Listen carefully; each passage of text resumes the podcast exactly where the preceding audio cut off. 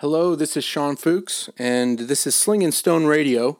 I uh, just wanted to thank anybody who's tuning in. Thank you for your support, and I really hope that um, the words that I share with you today um, are meaningful for your life and that they really help answer questions that you may have about Jesus Christ.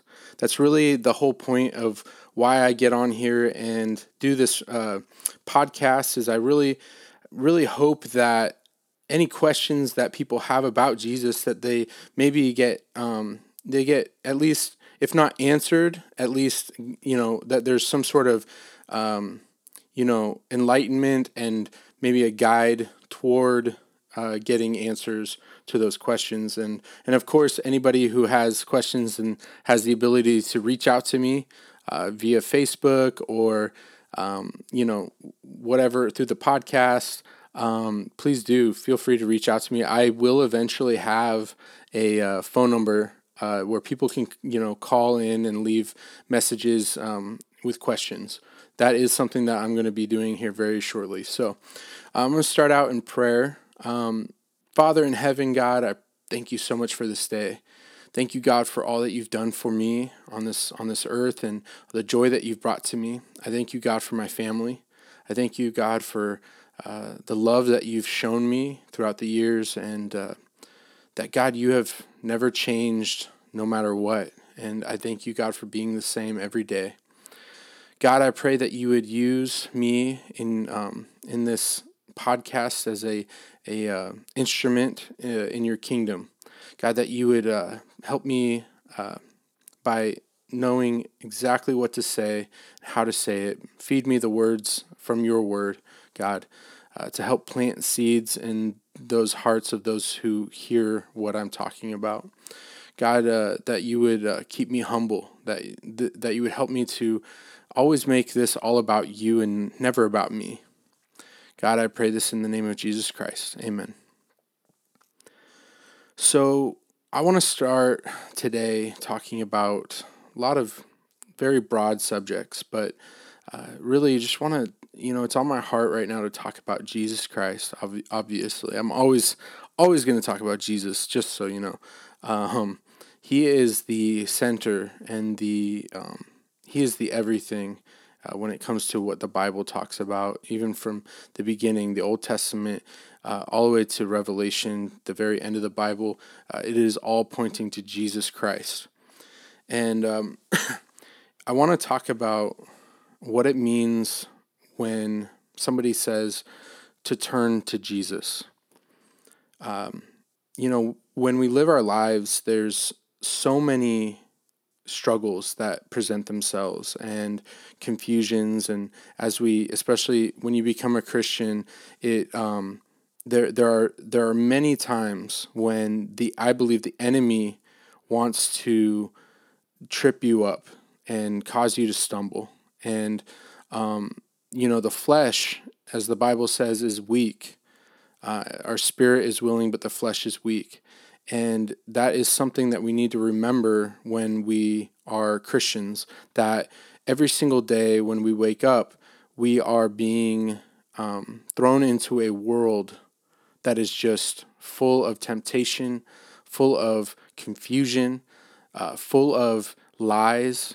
And um, it is important to remember that every single day that we're alive as Christians, it is a battlefield. It is, um, and, and yes, it is a very tiresome thought. It is a very tiresome thought to think, wow, every day I need to go out and battle. I mean, will this, will it ever end, right? Um, but it is the truth, and it is a realization as a Christian to to uh, to remember that every day is a battle. But what Jesus did say before he ascended to heaven was that he was going to give us a helper, and that is the Holy Spirit. You know, and when we when we talk about Jesus, we are and when we talk about the Holy Spirit, it is easy to forget that they are one and the same. And the power of Jesus that that you know performed all the miracles that he performed while he was here, you know, 2,000 years ago. Uh, and the power of Jesus that created that was you know all that was created through him which I'll get into in just a sec but is the same as what's in the Holy Spirit. The Holy Spirit and Jesus and God the Father are one and the same. And it's important to remember that it's not important to try to wrap your mind around it too much and try to understand all like how this could be because it's definitely something that's outside of space and time and uh, outside of our understanding. But it is important to remember that when you pray and you receive the Holy Spirit in your heart that you have God of the universe inside of you the power and the peace and the love and the mercy and the joy and all that comes it, with the Father with Jesus Christ is inside of you and is working hard, right? And so I want to talk about Jesus Christ and why it is that when we go through difficult times that we are to turn to Jesus and how we're to turn to Jesus, right? So I'm going to start out with talking about God's power, Jesus's power, and who and who Jesus is to to God the Father, okay?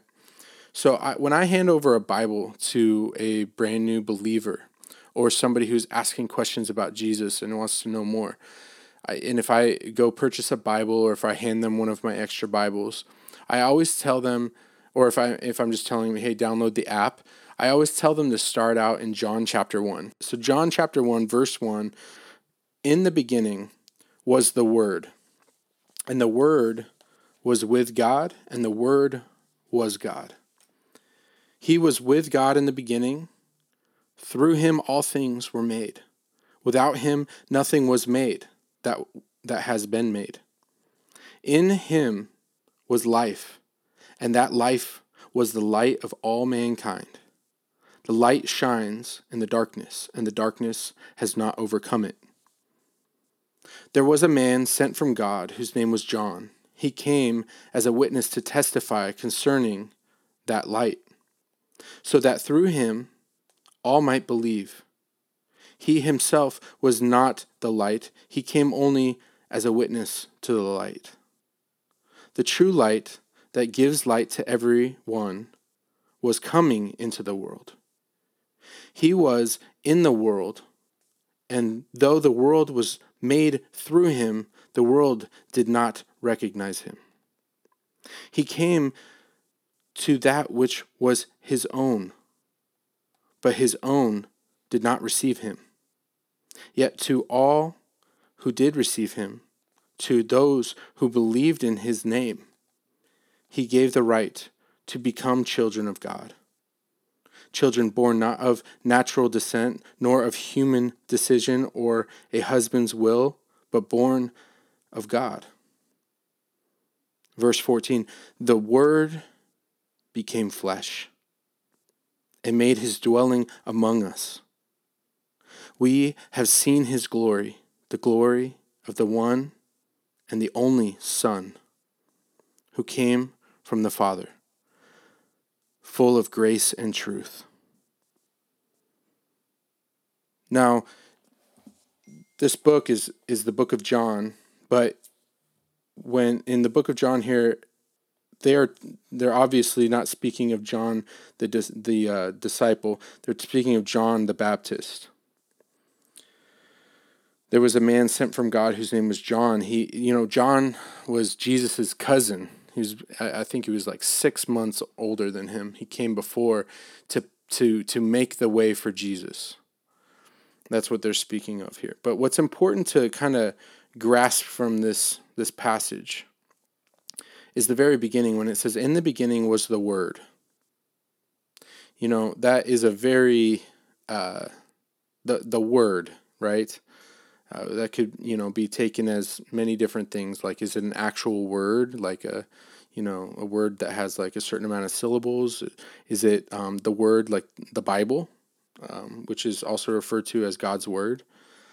Um, is it something that somebody said? Right? It's the Word, right? In the beginning was the Word. And the Word was with God.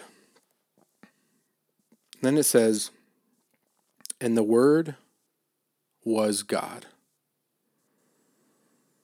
And then it says, verse 2 He was with God in the beginning. It becomes very clear that the word that John is speaking about here in verse 1 in the beginning was the word is a is a he it is a person. Then it says through him all things were made. Without him nothing was made that has been made.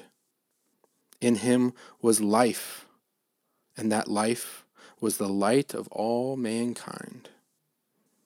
The light shines in the darkness, and the darkness has not overcome it. You see, here it's talking very clearly about this man who was in the beginning with God and who was God. Then later, in verse 14, it says, The Word became flesh and made his dwelling among us. We have seen his glory, the glory of the one and only Son, who came from the Father, full of grace and truth. So clearly, the Word became flesh, and this is speaking about Jesus Christ that came, and we have seen his glory, the glory of the one and only Son, who came from the Father, full of grace and truth. Now, I'm not going to get into why John refers to Jesus as the Word. There is a reason. I honestly am not too certain of that reason, and it's definitely something that I would want to get into and try to try to understand. Probably uh, has something to do with the translation um, and the meaning behind it, the original meaning of the word. But uh, but I honestly am not too too uh, too knowledgeable of that but I will. I'll eventually get to know that. But what what is important to know and what God has revealed to me in this verse is that Jesus is God. It's very clear that the Bible says that Jesus is God and he was there at the beginning before all things that were made. And all things were made by him. If you switch over to Colossians chapter 1, Paul is then again writing to the to the Colossians, and he says, "The Son in verse fifteen, the Son is the image of the invisible God, the firstborn over all creation. For in Him all things were created." Things in heaven and on earth, visible and invisible, whether thrones or powers or rulers or authorities, all things have been created through him and for him. He is, verse 17 says, He is before all things, and in him all things hold together. Think about that for a sec. In him all things hold together. And you if you continue to read in Colossians, you read more about who Jesus is. But it's important to know that Jesus is God and that Paul says he is the he is the invisible God, the image of the invisible God. The firstborn over all creation everything that has been created. He is the firstborn from the Father. And that all things were created for him. Like it says in verse 16 in Colossians chapter 1. Now, why is it important to know this about Jesus? Because as we live our lives, you'll notice how easy it is to get caught up in religion and not relationship. It's so easy to get caught up and get distracted because that's what the enemy wants. He, the enemy wants us to create these religions and branches of religions and these different opinions and perceptions of verses so that we can get confused and that we can get focused on not what the main focus should be, which is that Jesus Christ is the focus. That Jesus Christ is God. And that all things that have been made have been made through him and for him. That he is the single authority over all heaven And it's important to know that because as we live our lives and we get confused and we have moments of weakness and we have sin in our lives or we have struggles and we have pain, the Bible says that we are to go to Him in prayer, to go to Jesus in prayer.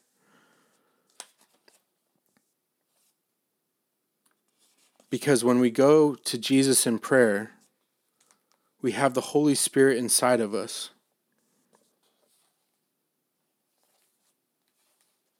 In Philippians chapter 4, 6 through 7, it says, Do not be anxious about anything, but in every situation, by prayer and petition, with thanksgiving, present your requests to God.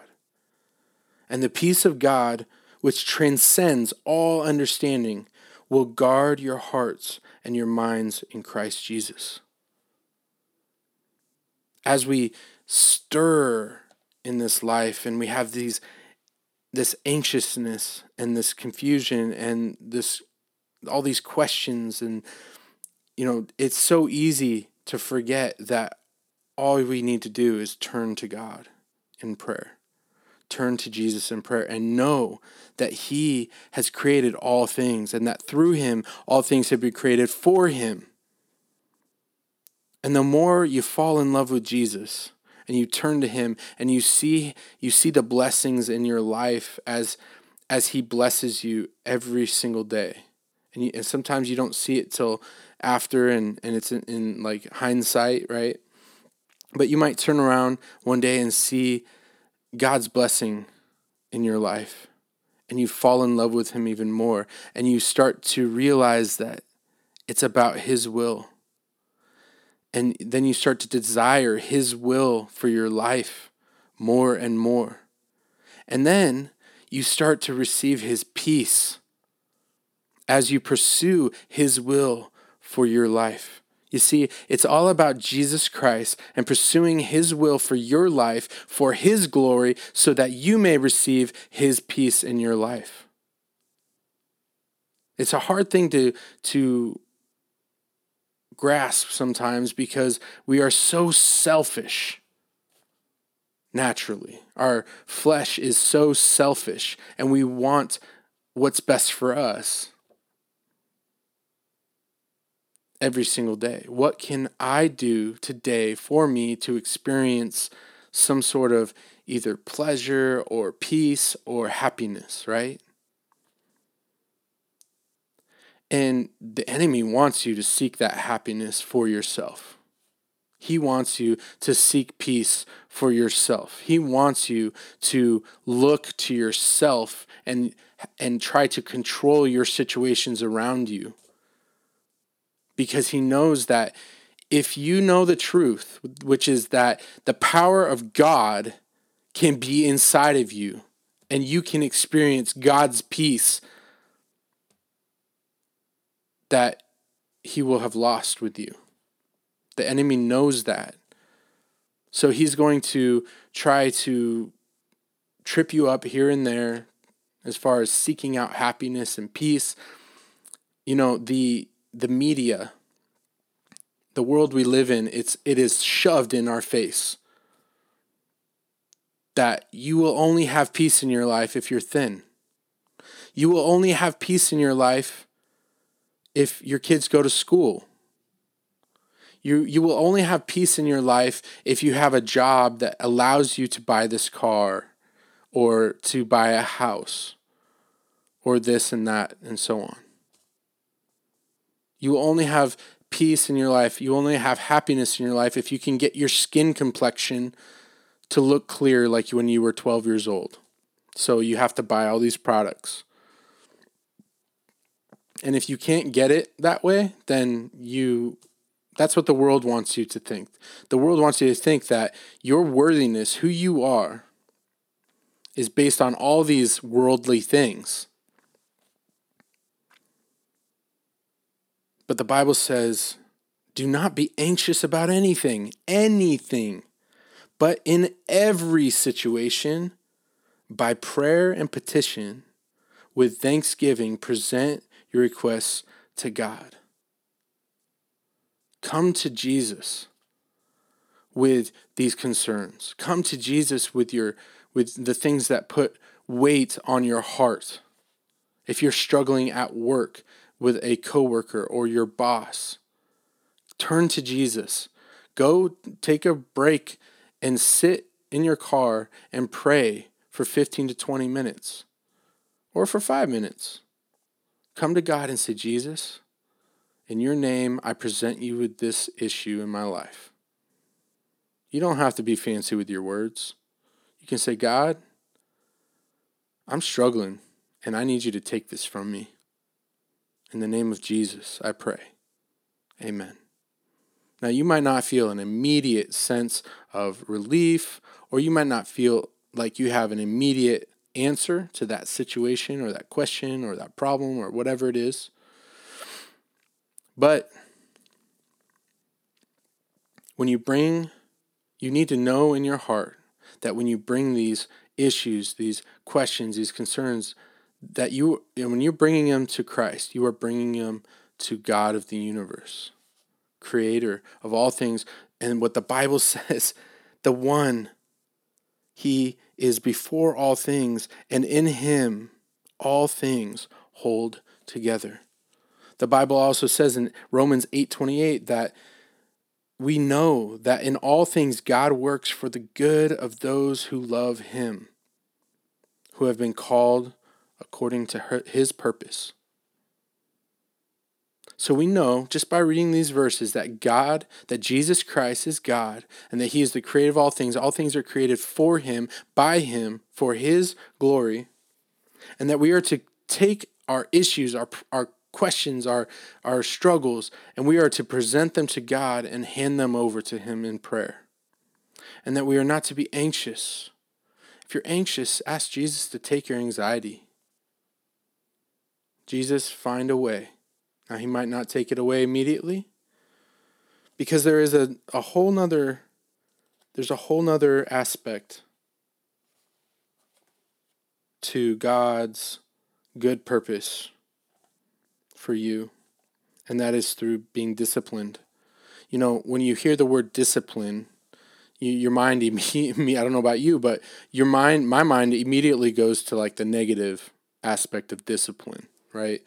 You know, I think about um, I, I think about our my parents disciplining me or at school I was being disciplined because of uh, you know whatever bad thing I did, right? When I, I'm curious to know what the actual let's let's look up the actual definition of discipline.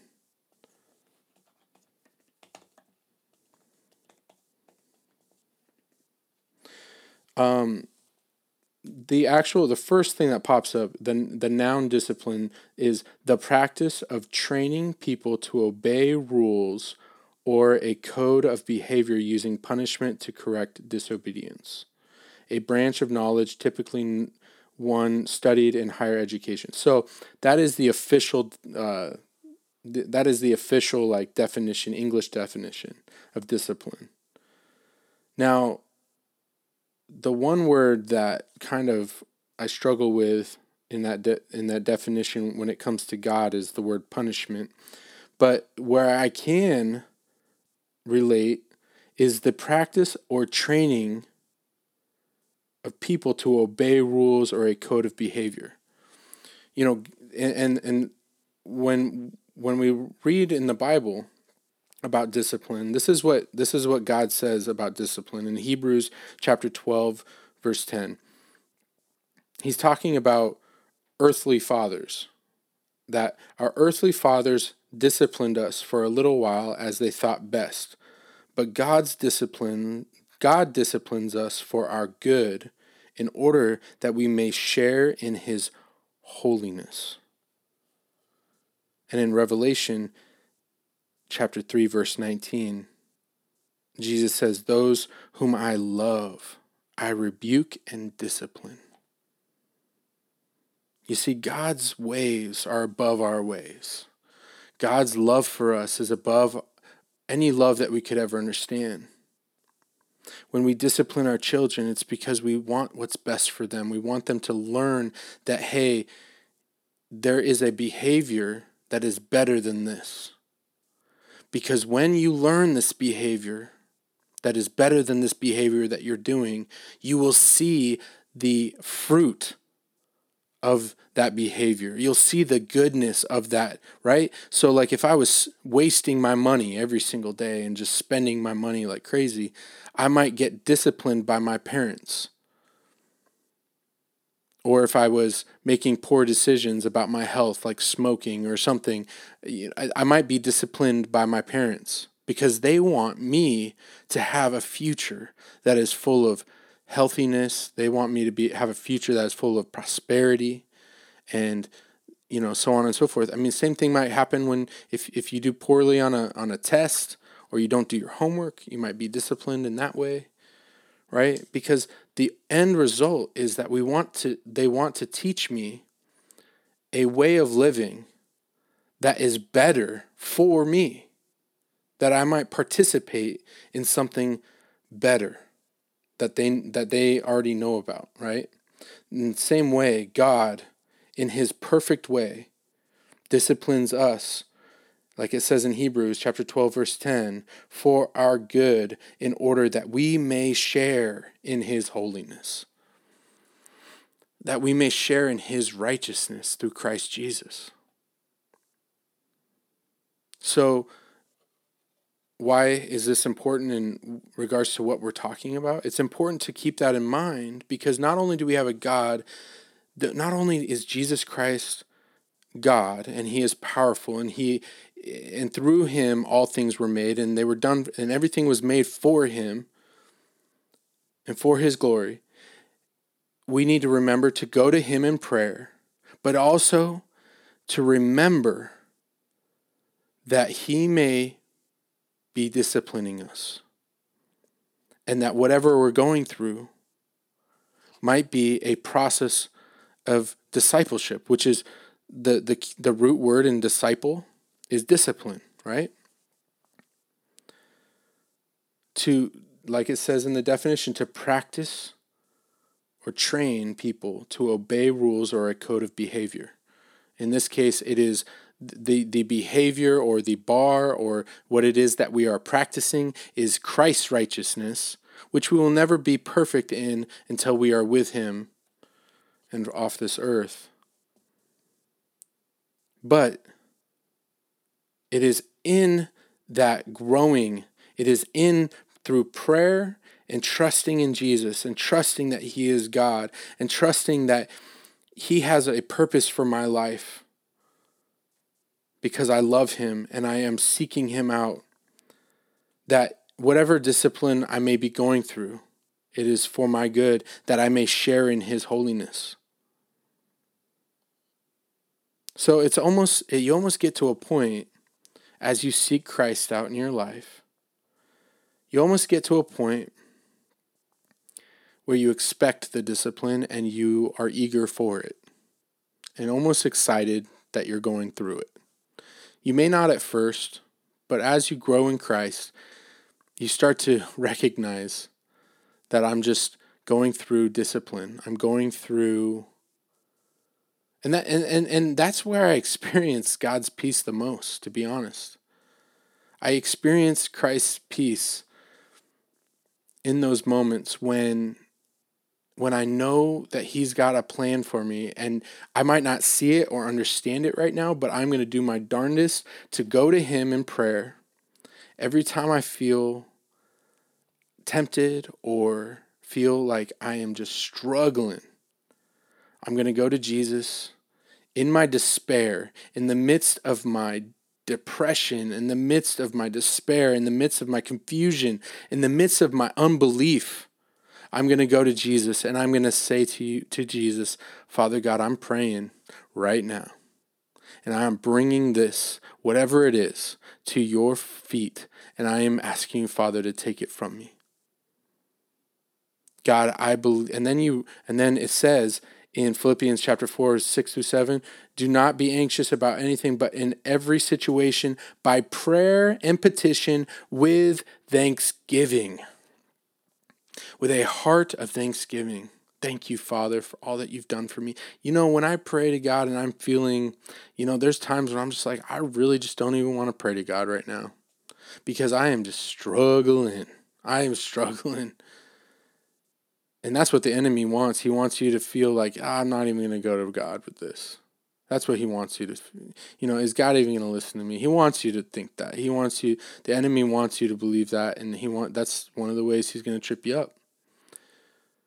But when I come to God and the first thing I say to him is, Father God, thank you, God, for this day. Thank you, God, for all the good that you've given me. I, when I, just saying that alone, I, I start to feel better. It's the craziest thing. It's awesome and you know i'll start the prayer thinking oh this is this is i don't even know why i'm doing this sometimes. But then the moment i start praying and i open up my heart and i, and I just and i just open up and i say jesus thank you god for all the good that you have given me. Thank you god for every breath. Thank you god for waking me up this morning. Thank you god for the food in my refrigerator. Thank you god. You start to really feel the holy spirit in your heart and the peace of God in thanksgiving. And then you and then you get to the point where you're after you're you're thanking him and you it's almost like you forgot why you started praying.